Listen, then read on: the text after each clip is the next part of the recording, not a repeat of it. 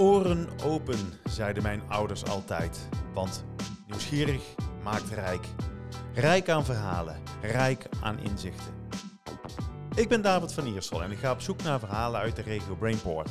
Ik spreek ondernemers die onze kennis verrijken en ons inspireren om wie ze zijn. Fijn dat je luistert naar de podcast Wat is mobiliteit? Waarin ik wekelijks met Roel Hellemons, CEO Eindhoven Airport, gasten ontvang om over de toekomst van mobiliteit te praten. Roel brengt vakinhoudelijke kennis en nieuwsgierigheid mee en ik sla de brug naar het bedrijfsleven. De gast van vandaag is niemand minder dan Albert Maas, directeur van Avular. Welkom in deze mooie podcast. Hi. Dag Albert. Ehm, directeur van Avular. Ben jij, staat op jouw LinkedIn. Zeker. Maar wie is Albert Maas zelf? Ja, ehm, 36 jaar. eh, van origine West-Zeeuws Vlaming, Breskens. Misschien eh zijpelt het een beetje door eh, in het dialect. Ik hoor wat. Ja, precies. Ehm, daar opgegroeid aan het strand. En eh, ehm, mijn vader, mijn vader botenbouwer en ontwerper. Passie voor techniek gekregen. en eigenlijk een hoop lagen van, eh, van de educatie, eh, mbo, hbo, universiteit, werktuigbouwkunde gedaan. Ehm, veel met eh, composieten gewerkt, raceauto's en uiteindelijk de robotica ingegaan na enthousiast geworden te zijn bij de Control Systems Group hier in Eindhoven. Ehm, ja, en verder een grote passie voor design, kunst, marketing. Vind ik heel leuk. Meegekregen uit de familie. Ehm, en ik hou van, eh, van eten en koken. Dus dat is, eh, dat is een, een tweede passie. Nou, we gaan het vandaag niet over eh, de culinaire kunsten van Albert Maas hebben, maar over mobiliteit. Want je bent dus inderdaad de directeur van Avilar. En kun je voor de luisteraars nou even een korte omschrijving geven van waar Avilar mee bezig is? Ja. Ehm Avalar is een bedrijf wat producten maakt voor de mobiele robotica-markt. Eh, in de breedste zin van het woord. Eh, we maken de bouwblokken voor autonomie. Eh, dus moet je denken aan sensorsystemen, aansturingen, regeltechniek, zowel in hardware als in software. Dus, om bijvoorbeeld een bestaande machine om te bouwen naar een automatische of autonome machine. Daarnaast hebben we platformen, ehm, dus eigenlijk een vliegend platform en een rijdend platform om sensordata te vergaren, et cetera. En eigenlijk zitten die bouwblokken die we hebben gemaakt ook weer in die robots. Dus het is de next step voor de klant. Ja, hij heeft een stukje minder te doen.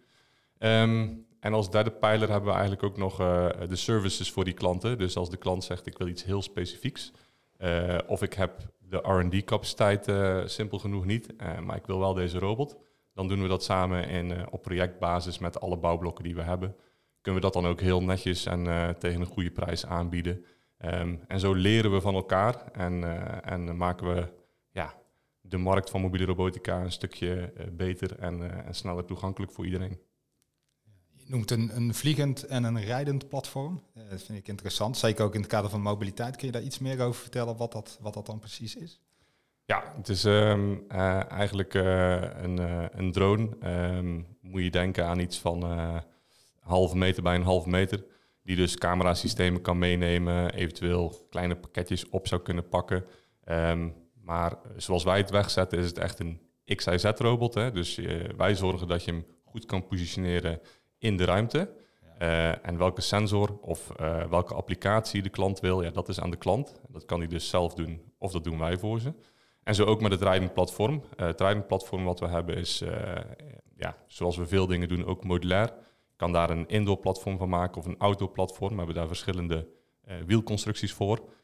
Maar er zit een battery management in, er zit een regeltechniek in. En ook die kan je dus weer positioneren in X, Y, Z. Z is in deze wat lastiger natuurlijk. Ehm, om een bepaalde applicatie eh, te verrichten.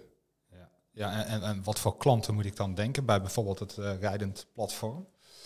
Ehm, ja, eh, ik kan niet over alle klanten praten helaas, want sommige ik. dingen zijn confidentieel. Maar ja, we doen best wel wat in de agrarische sector. Eigenlijk hebben we drie sectoren waar we zitten. Agrarisch, inspectie en eh, complexe logistiek. Ehm, en agrarisch moet je denken aan aardappelvelden. Ehm, eh, het detecteren van ziektes eh, van aardappelplantjes is een, eh, een moeilijk vak. Er zijn niet meer zoveel mensen die dat kunnen.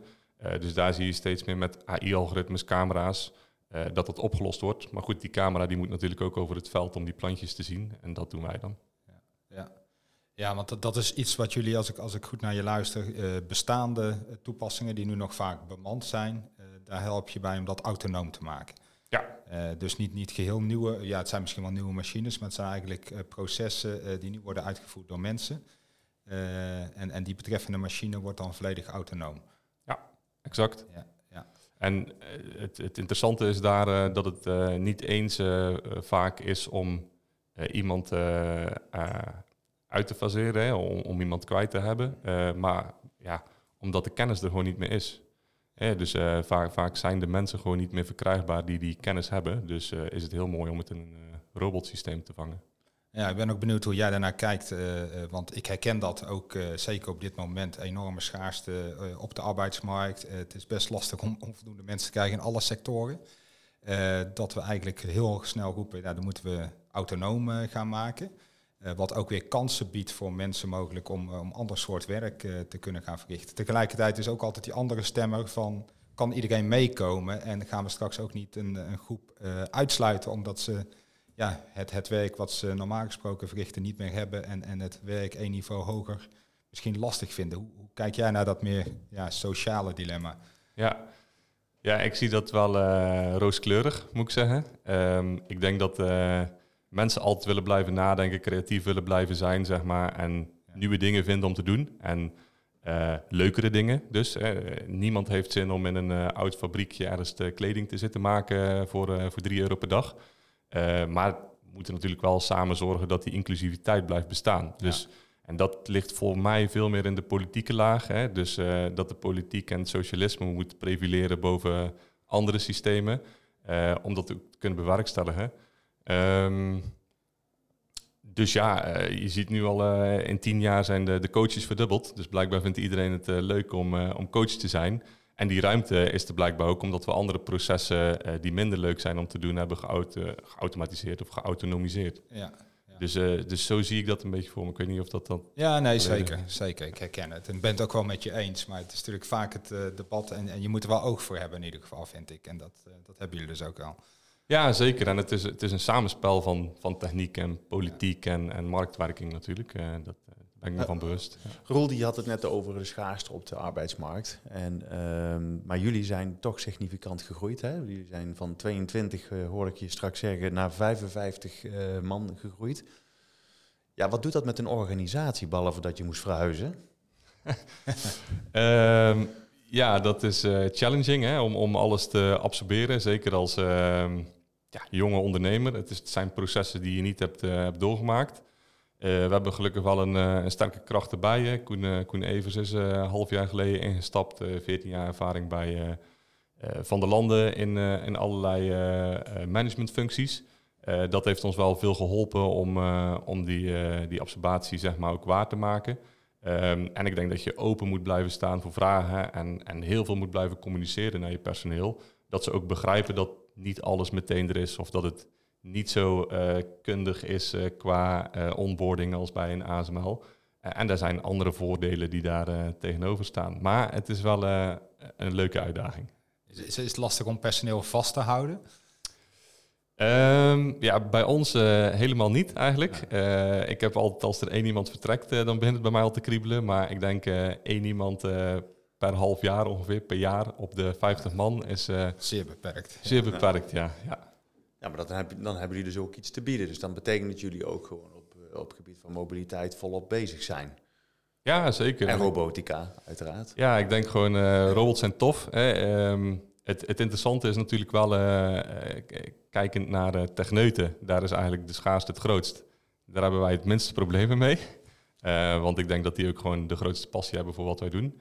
Um, ja, meer uh, de, de, creatieve mensen, uh, de marketingachtige uh, personeelsvragen, business development. Ja, dat is eigenlijk nog wel wat lastiger, omdat we daar ja, nog in de opstartende fase zijn om dat groter te maken. Hè, dat daar ook leuke challenges liggen en een goed team om mee, mee te sparren. Want bovenal willen al die jonge mensen ook gewoon leren van elkaar en met elkaar dat, uh, dat gave bedrijf neerzetten. En ik denk dat dat de kracht uh, moet zijn en is. Ja. Ja, dat is wel mooi. Maar dat betekent ook dat jij als uh, leidinggevende jouw rol als nou, leider ook ziet veranderen. Je, je, zal op een andere manier je boodschap moeten overdragen aan zo'n grote groep mensen. Ja, absoluut. dus deels blijf ik dat doen van uit wie ik ben. Ik ben altijd wel redelijk eigenwijs geweest en vanuit gevoel en passie denk ik dat de boodschap moet landen. Hè. Intrinsieke motivatie. Ik hou niet zo van een, een poppenkast of iets ingestudeerd. maar aan de andere kant merk je wel met zo'n grote groep dat je daar die processen voor nodig hebt. En ja, nogmaals, daar, daar heeft Koen heel erg bij geholpen om dat ook met ons te doen. En ook onze aandeelhouders, of onze ja, financiële aandeelhouder, Lumipol, mm -hmm. die hebben een groot aantal bedrijven. Ehm, de vader van, uh, van de jongens uh, is inmiddels uh, met pensioen, maar is natuurlijk ook lang directeur geweest bij verschillende bedrijven. Dus daar zit ook wel veel informatie en, en een stukje coaching. En dat werkt gewoon heel lekker.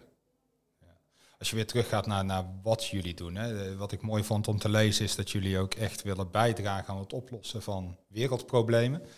Kun je daar een voorbeeld te noemen waarvan je echt trots bent van ja, daar dragen wij toch aan bij met ons bedrijf? Um, ja, nou eh, zeker het, agrarische stuk, om dat efficiënter te doen. Daar zijn we allemaal nog een klein beetje in de, in de opstartende fase. Maar we zullen toch ja, eten en kwaliteit eten moeten blijven leveren voor, voor de hele wereldbevolking. en daar spelen robots natuurlijk een, een, grote rol.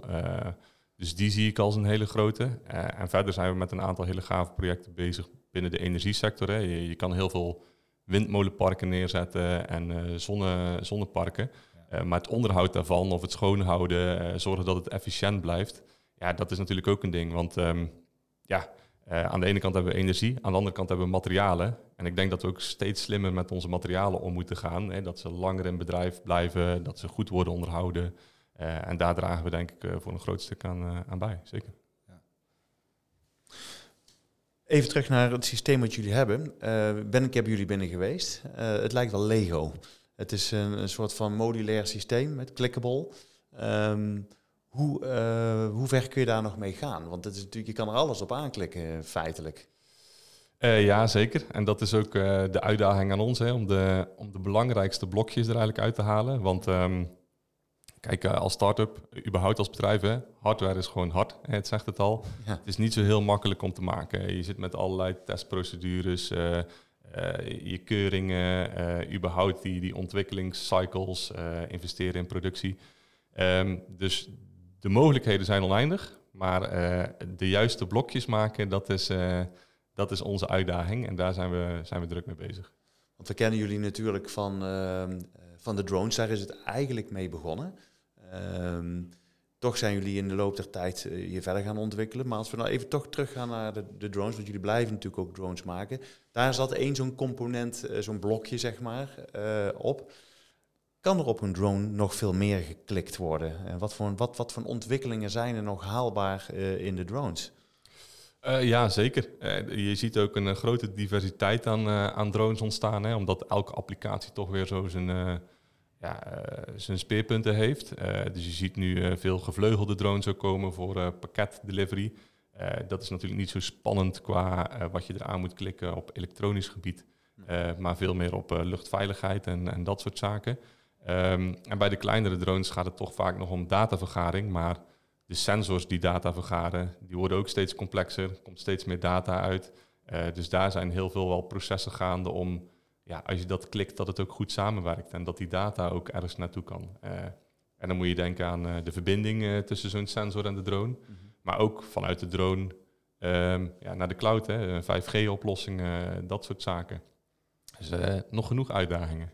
En, en zitten jullie uitdagingen dan met name in, in die techniek of zit die ook in het inpassen van die techniek in, in de maatschappij, om het zo te zeggen, waarbij ook regelgeving, veiligheid, risico's vaak uh, de vertragende of beperkende factor zijn? Beide, om gewoon heel eerlijk te zijn. Kijk, het is geen triviale techniek. Hè. Je, je, loopt een beetje aan de, aan de voorfront uh, te duwen van, van wat mogelijk is. je ziet dan ook dat de grote techbedrijven en een LG en Hyundai ook groots inspelen op mobiele robotica. Ja. de andere kant is gewoon regelgeving. Um, je ziet bijvoorbeeld dat China daar veel anders mee omgaat. Hè? De, de staat uh, pompt daar vele honderden miljoenen in robotica bedrijven en geven wat minder om de regels die er zijn, omdat ze ja, die zelf handhaven. Ja. bij ons is het natuurlijk anders en is dat een, um, ja, een, een, een, een groot debat, denk ik, hè, met de Europese Unie. ook de traagheid ervan, maar ook wel weer de kwaliteit. Dat, dat is de complexiteit. Uh, wat ik nu al op het moment zie, en ik vraag me af waar het naartoe groeit, is dat uh, vaak de techniek ook nog wel eens de regels wil, een duw wil geven. Hè? Dus DJI is de grootste binnen drones. Die hebben bepaalde systemen en die, die volgen wel bepaalde routes. Maar omdat ze zo groot zijn, begint zeg maar, het luchtvaartsysteem en de regels daarbij ook aan te passen op wat zij bieden. Ja, ja. En, en je noemde het in China, daar gaat het heel anders. Zijn er dan dingen die wij van China kunnen leren hoe zij het doen? Um, ja, zeker, denk ik wel. Uh, ik denk ook niet eh, dat alles uh, goed is wat daar gebeurt. Hè? Want uh, de vrije marktwerking is daar wel wat nihiler. alleen het tempo waarmee zij, zij komen, zij regeren natuurlijk veel meer als een bedrijf dan als een land. Um, en ik denk dat het uiteindelijk beter is om te regeren als een land.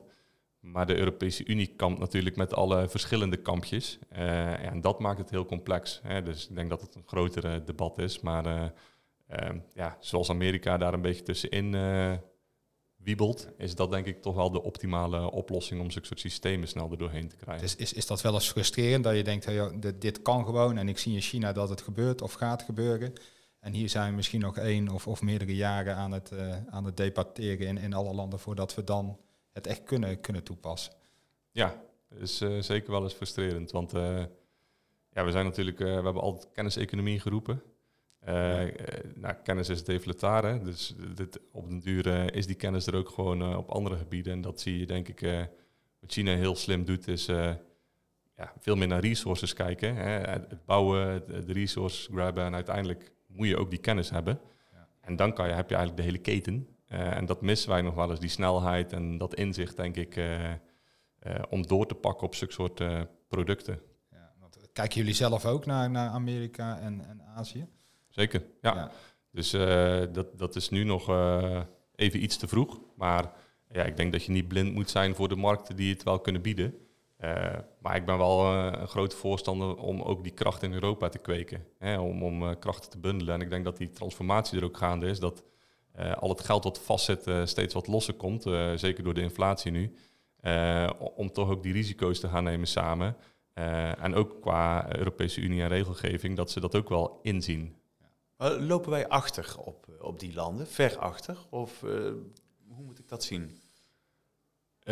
qua techniek zeker nog niet. En kwaliteit van techniek, qua applicaties en volume wel. En is dat een, een, een gat die we kunnen beslechten? Of, um... Ja, dat denk ik wel. Maar uh, ja, dan zal er ook wel een stukje daadkracht uh, bij moeten komen. En daadkracht is geld? Uh, geld en bundeling van kennis en politieke systemen. En, en hoe bedoel je dat precies, bundeling van kennis en politieke systemen? Want ik vind het erg interessant dit, van hoe, hoe, we dit beter kunnen doen. Um, nou, ik, ik, denk dat we veel sneller moeten identificeren uh, uh, wie de stakeholders zijn en, uh, en wie erover mag beslissen. Hè? ja. Dat is A, dat is meer de politieke systemen en, en nou, bijvoorbeeld NLR, DLR, daar is al een goede samenwerking. Maar hoe zit dat in Engeland, hoe zit het in Frankrijk? die combinatie, die brug slaan. en kennis, ja, kijk naar een, een IMEC in België of een Fraunhofer in, in Duitsland. Die hebben geweldige techniek op de plank liggen. een TNO hier in Nederland ook. Hè? Ja. Maar de processen om dat zeg maar, naar een bedrijf te krijgen wat nog weinig middelen heeft, maar wel heel veel enthousiaste mensen, die zijn nog heel stroef. Uh, en ik denk dat het juist vanuit enthousiaste, kundige, jonge mensen moet komen. En die missen dus het geld en het netwerk. Hè. Dus die koppeling, ja. uh, die koppeling zou ik nog strakker willen maken. Ook hier in Nederland zou dat strakker kunnen. Ja, zeker. Ja. Ja. Maar zijn wij niet een te kleine klein land daarvoor? Of, of uh, spreekt Calimero hier nu? Ja, nou ja, in die zin kunnen we natuurlijk altijd uh, ons als uh, klein, uh, klein voordoen. maar uiteindelijk door goede molens te bouwen zijn we ook heel ver gekomen. Dus ik denk dat het niet altijd over size gaat als het gaat om techniek. Mm -hmm. als het gaat natuurlijk over productie en het distribueren, ja, dan moet je wel veel grootschaliger denken. zie je ook een Philips, hè? Dus ja, het lampje kunnen bouwen was denk ik de techniek en, en de stap die nodig was. En daarna moet je ook gewoon zorgen dat je fabrieken elders krijgt om het, om het te distribueren. Zo Tesla ook in Berlijn. Mhm. Opschaling dus. Ja. Wat doen jullie aan de Tesla? Jullie hebben zelf ook uh, nog technieken die jullie daar nog aan toevoegen? Want ik hoorde je straks in de voorbereidende uh, gesprekje die we voerden iets zeggen over stuurtechnieken. Nee, ja, dus kijk, een groot aspect voor autonome systemen is natuurlijk de complexiteit van de algoritmes en de, de data die je ervoor nodig hebt. Mhm. En de andere kant is safety. En dat, dat is een, een heel lastig spel. dus in de veiligheidswereld voor keuringen zie je dat eigenlijk elk proces gedocumenteerd moet worden en, en dat je eigenlijk met nou ja, zeg maar 99,99% zekerheid moet kunnen zeggen dat zo'n systeem niet faalt. Want 100% gaat nooit. Hè? En de andere kant is, um, nou ja, je hebt de sensors nodig, zoals wij ook onszelf kunnen waarnemen, om de omgeving om je heen waar te nemen. En daar zijn nu veel discussies. Hè? Je ziet lasersystemen, camera's. En dat is wat er nu op de auto zit. Er zitten ook wel radarsystemen al op. Hè. Dat is uh, denk ik uh, de, het keyword. Um, maar die performen nog niet om het compleet veilig te mm. maken. Hè. Als het zwaar weer is, veel regen, mist, nou, dan heb je dus complexe systemen nodig. Ze zijn bezig met veel betere radarsystemen. Daar heb je weer heel moeilijke computers voor nodig. En om dat veilig te krijgen, ja, daar zit, daar zit klein beetje die crux om het echt naar een autonoom uh, voertuig te trekken. En uh, ja, dat, dat vind ik ook bijster interessant. En, en, wat is dan jullie rol daarin? Nou, wij gebruiken die systemen ook. En ja. we proberen nu natuurlijk te kijken vanuit een bedrijf van 50 man. Ja, kan je niet zomaar competen met een club die 3000 man R&D heeft. dus hoe kunnen wij wel al slim op bepaalde applicaties omgaan waar de mens nog meekijkt. Ja. maar wel niet blind zijn voor de toekomst om ook daarin mee te kunnen. En dat is denk ik uh, het aanhaken ook op een Fraunhofer en een IMEC. Ja, die hebben heel veel van die techniek al state of the art liggen. Alleen is nu nog veel te duur. Hè? Zeker bij de automotive, uh, als je over 2000 euro voor een sensor praat, ja, dan gaan ze dat niet zo snel doen. Wij hebben daar natuurlijk nog wel uh, het geluk dat veel van die robotica applicaties zoveel winst oplevert, dat het wel wat mag kosten. Ja. dus zo zijn we daar aan het spelen met state of the art en ja. kosten.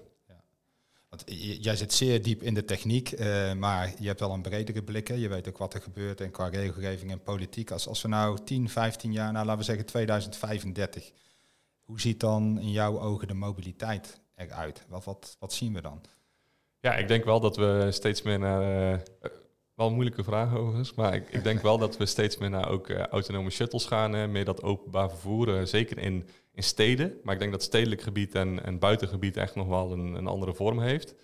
Um, wat ik er moeilijk aan vind is, de, ja, als je in je auto zit, het is ook gewoon lekker om eens in controle te zijn van iets. Hè? Dus ja, ja. als we overal de controle gaan verliezen, ik ben benieuwd wat dat dan met je geestelijk uh, gestel doet. Maar desalniettemin denk ik dat het blijft, want die generaties die daarmee opgroeien, die komen. Um, en natuurlijk ook mobiliteit in de lucht. je ziet redelijk wat grote bedrijven of waar veel kapitaal in gaat om uh, bijvoorbeeld intercity elektrisch te vliegen. En dat zijn dan vaak kleinere vliegtuigen die je kan vergelijken met drones die ook autonome, systemen bevatten. Um, ja dat denk ik dat je dat wel heel veel gaat zien. Zeker in Amerika, state-to-state transport. Maar ook in grote steden als in Shanghai of in Rio, van rooftop naar rooftop. Hè, wat, wat je nu met helikopters nog doet, ja, doe je dan gewoon veiliger eigenlijk. Dus, dus die grote veranderingen gaan met name, als ik goed naar je luister, in, in de, ja, de drukkere steden als, als eerste zien. Ja, zeker. Ja. Het stedelijk gebied wordt ook steeds meer. Ook ja. uh, pakketdelivery, hè? Uh, wat je nu nog met fietsjes ziet. Ik denk wel dat dat naar kleine rijdende robotjes toe gaat. Ja. Um, en waar mogelijk drones. Dus we krijgen gewoon eigenlijk filevorming in de lucht. Nou ja, dat is natuurlijk een van de, van de uitdagingen. Hoe gaat dat in de lucht allemaal gereguleerd en geregeld uh, worden uh, met behoud van veiligheid? Ja, want dan ja, kijk, ik, kijk ik jou aan, Roel. Want zie jij het voor je dat er op Eindhoven Airport of op een, op een vliegveld... dat er speciale drone-ruimtes zullen zijn? Vertrekplatform? Ja, ik denk wel, uiteindelijk zou je daar geen airport meer voor nodig hoeven te hebben. En gaat inderdaad vanaf een dak ja. ergens in de stad naar een ander dak ergens in de ja. stad bijvoorbeeld. Maar misschien in de eerste fase waar je toch nog met bepaalde security eisen zit en processen, dat een airport zich er wel voor leent om daar te beginnen. en in ieder geval voor elektrisch vliegen kijken we er zo naar. En dat zal nog dan bemand zijn in eerste instantie. Maar ook met het urban air mobility is dat wel iets wat, wat zeker een tussenstap zou kunnen zijn. Maar ik denk uiteindelijk zit natuurlijk de, de echte waarde erin dat je niet naar een airport toe hoeft, maar echt punt naar punt kunt gaan van de drukke gebieden. Daar, daar, ben ik het helemaal mee eens. Dat met name daar denk ik zal plaatsvinden. Ja. dan is de vraag, is dat in Nederland, uh, ja, past dat ook in Nederland of gaan we dat eerst in de echte grote steden in Azië, Amerika zien? Ja, dat weet ik ook niet, maar dat is wel interessant. Ja, ik denk dat de business case daar wel groter is. Ja. En je hebt natuurlijk uh, de zet als in de lucht.